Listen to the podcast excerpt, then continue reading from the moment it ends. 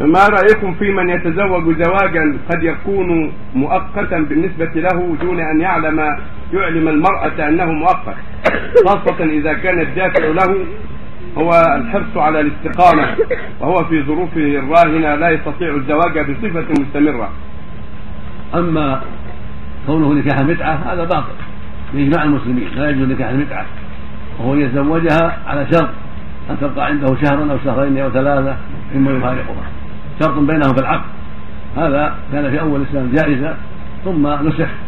وأبطله الله وحرمه إلى يوم القيامة. وهذا مما يبيحه بعض الشيعة بعض الرافضة ويستحلونه. وهو منكر من العمل.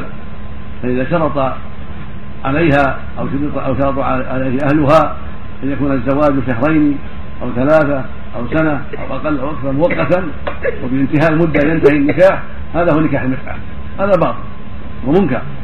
أما إذا إذا زوجها وفي نفسه أنه متى انتهى من هذه البلاد أو فرغ من شغله فيها طلقها هذا ما يصير ما يصير نكاح متعة على الراجح على الصحيح. هذه النية اللي في نفسه ما تجعل النكاح متعة على الراجح.